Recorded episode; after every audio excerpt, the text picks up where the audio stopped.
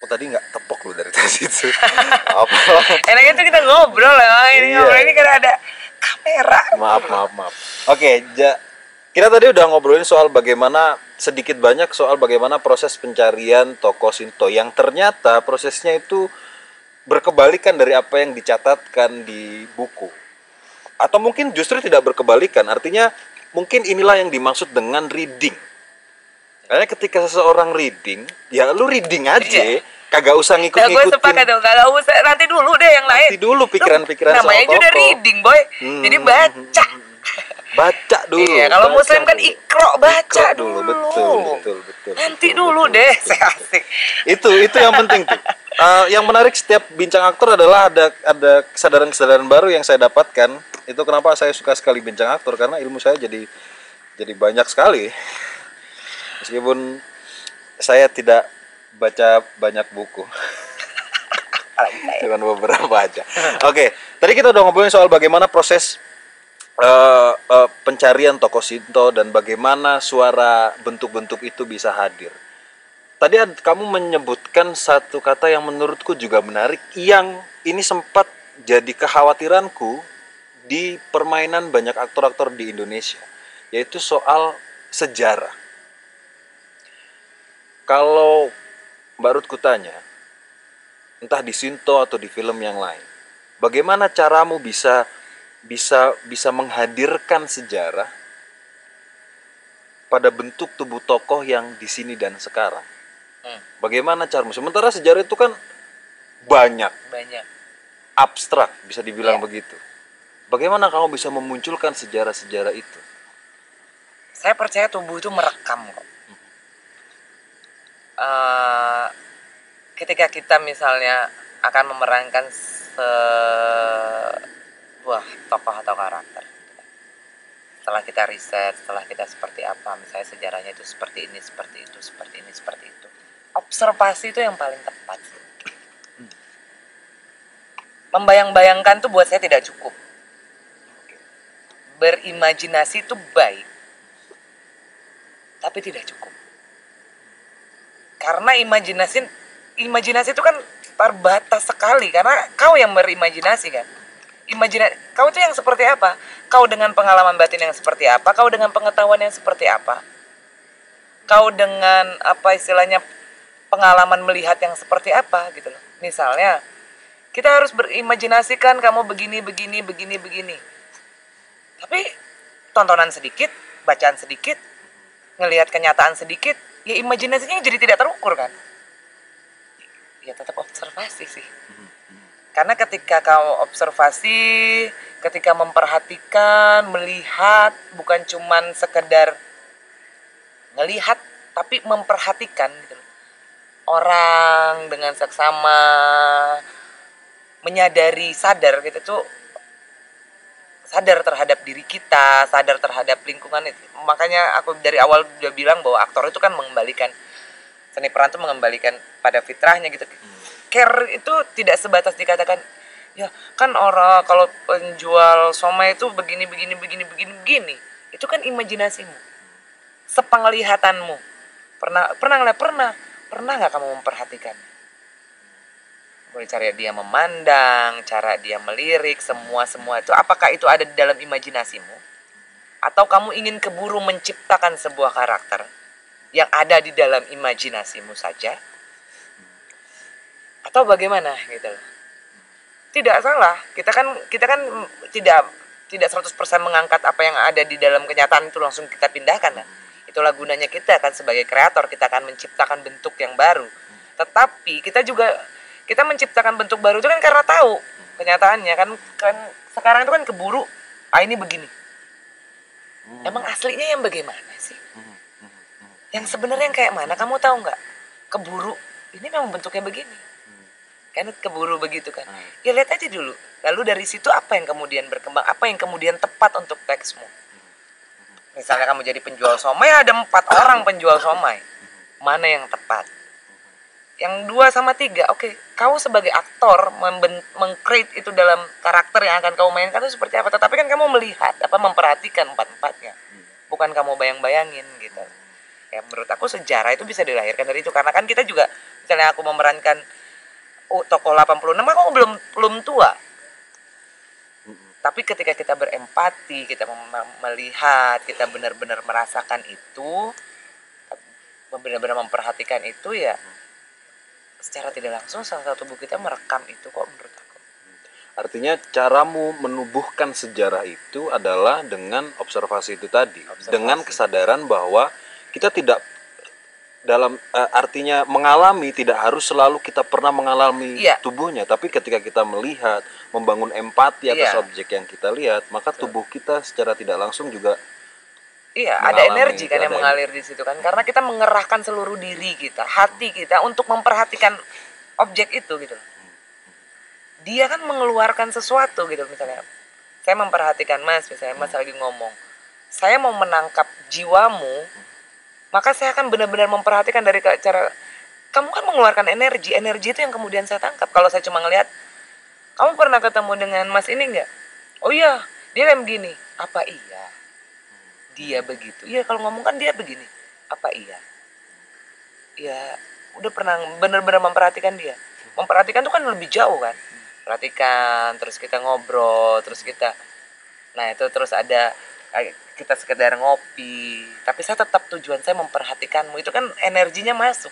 Kalau saya percaya dengan perputaran energi itu.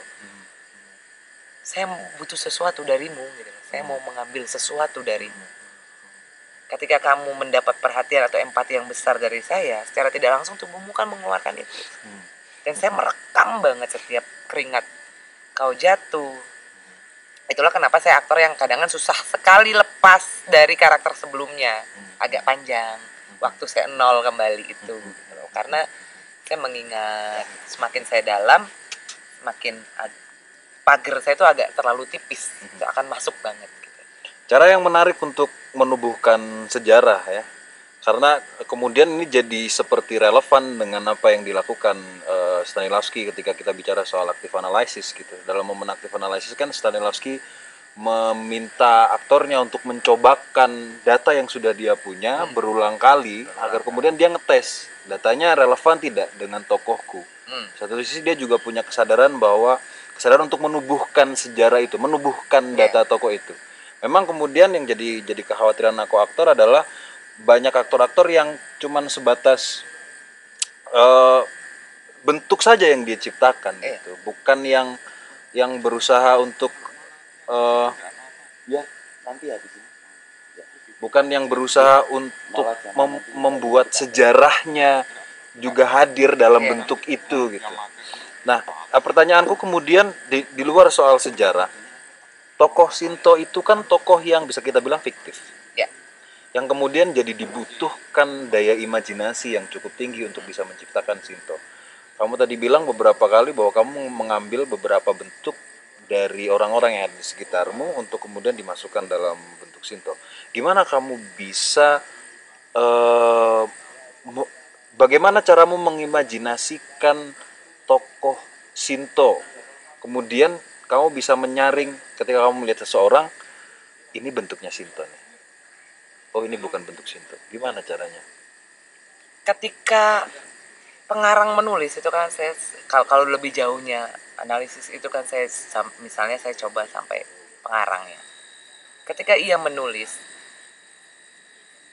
apa realitas saat dia menulis itu tahun kapan dia hidup dengan siapa dia melihat apa imajinasi kan nggak tumbuh tiba-tiba gitu juga kan.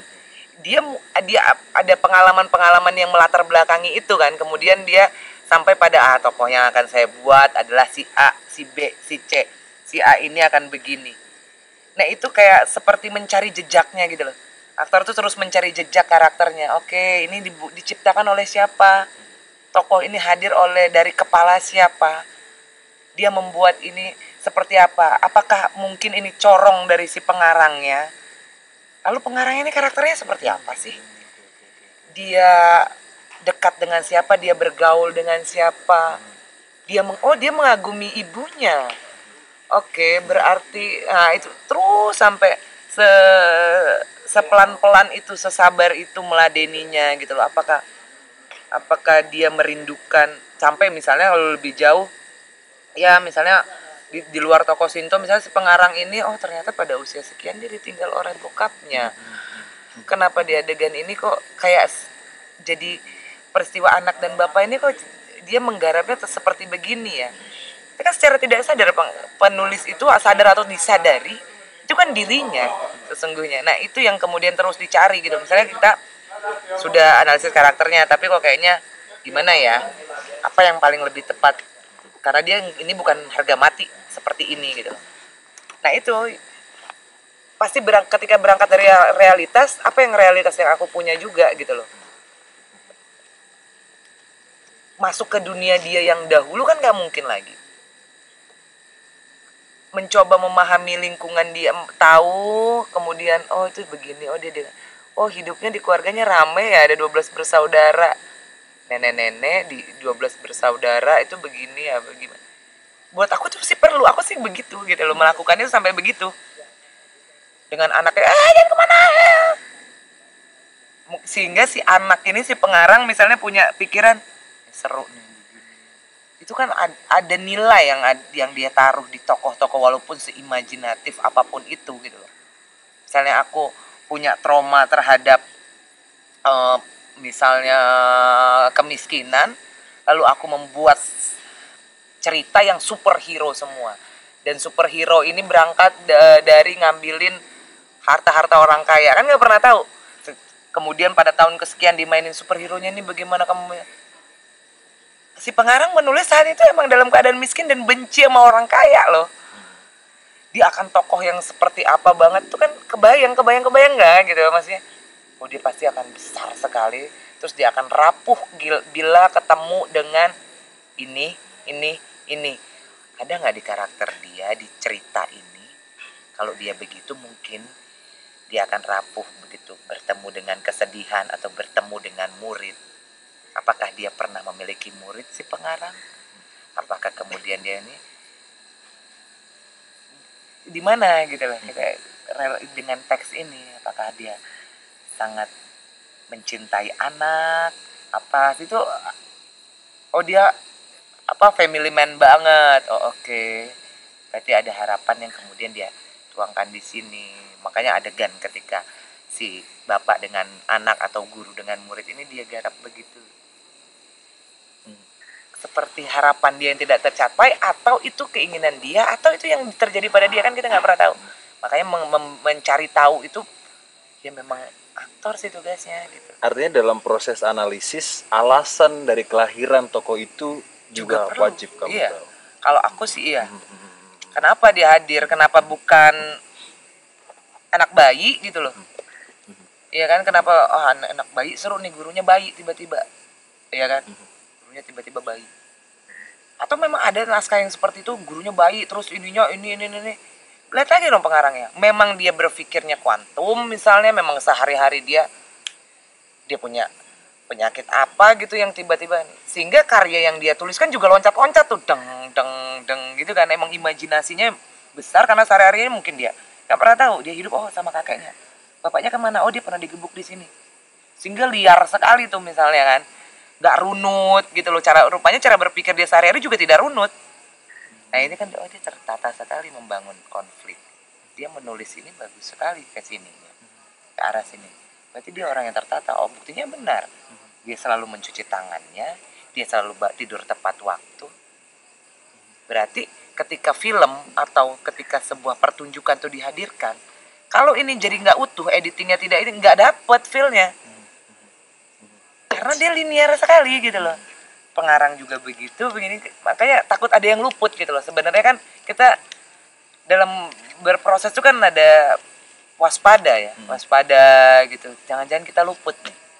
Kok nggak dapet ya? Kok nggak ketangkep ya? Oh karena lo motongnya begitu editnya. Jadi nggak feelnya jadi nggak ngalir nih. Padahal yang ingin dikatakan pengarang itu adalah begini gitu loh. Hmm, oke. Oke, oke, oke, oke, oke. Ya, itu itu part yang kemudian menurutku juga penting dalam proses analisis akhirnya Iya. kan bahwa ya mengetahui siapa penulisnya, mengetahui bagaimana cara penulisnya itu berpikir, Berpikir. bagaimana si tokoh itu bisa lahir Iya. itu juga jadi jadi jadi satu bagian penting dalam analisis untuk bisa menemukan tokoh. Sekaligus bisa menemukan ejawanta dari tokoh itu Iya. di kehidupan nyata. Entah itu secara utuh atau Iya. per bagian Ah, ah, karena kan pasti karena kalau udah dituliskan dia udah mengalami perkembangan imajinasi kan. Tetapi kan dia berangkat dari saya percaya dia berangkat dari realita ya. realita. Segini tapi kemudian dilebih lebihkan kan misalnya seperti itu kan. Tapi itu pasti berangkat dari situ. Ketika di di, di Wiro Sableng aku nggak tahu apakah penulisnya masih masih ada atau udah nggak ada? Nah gimana cara mau mendekati ada anaknya. Oh anaknya yang akhirnya menceritakan bagaimana bapak? Ya bapak papa gimana? Ada Mas Vino yang membantu dia juga. Oh iya iya, Saya- iya. dia seperti itu dia orang yang begini. Oke dia orang yang tekun beliau menulis juga tekun dia pekerja keras. Oke lalu kemudian lahir dia sering menulis di kamarnya hubungan dia nanya-nanya kayak gitu aja gimana sih sehingga imajinasi pasti ada akarnya sih menurut aku pasti dia pasti nggak nggak tiba-tiba ada aja gitu loh Iya, iya, iya. Artinya iya benar-benar bahwa kalau kemudian kita bicara soal teori interteks kan apa yang ada di kepala manusianya adalah apa yang sudah pernah dia lihat dan sudah pernah Iya. dia rasakan. Iya. Baru kemudian dia recreate dia lagi. create lagi dia mencoba tokoh-tokoh itu. Nah, sekarang pertanyaanku soal bagaimana kamu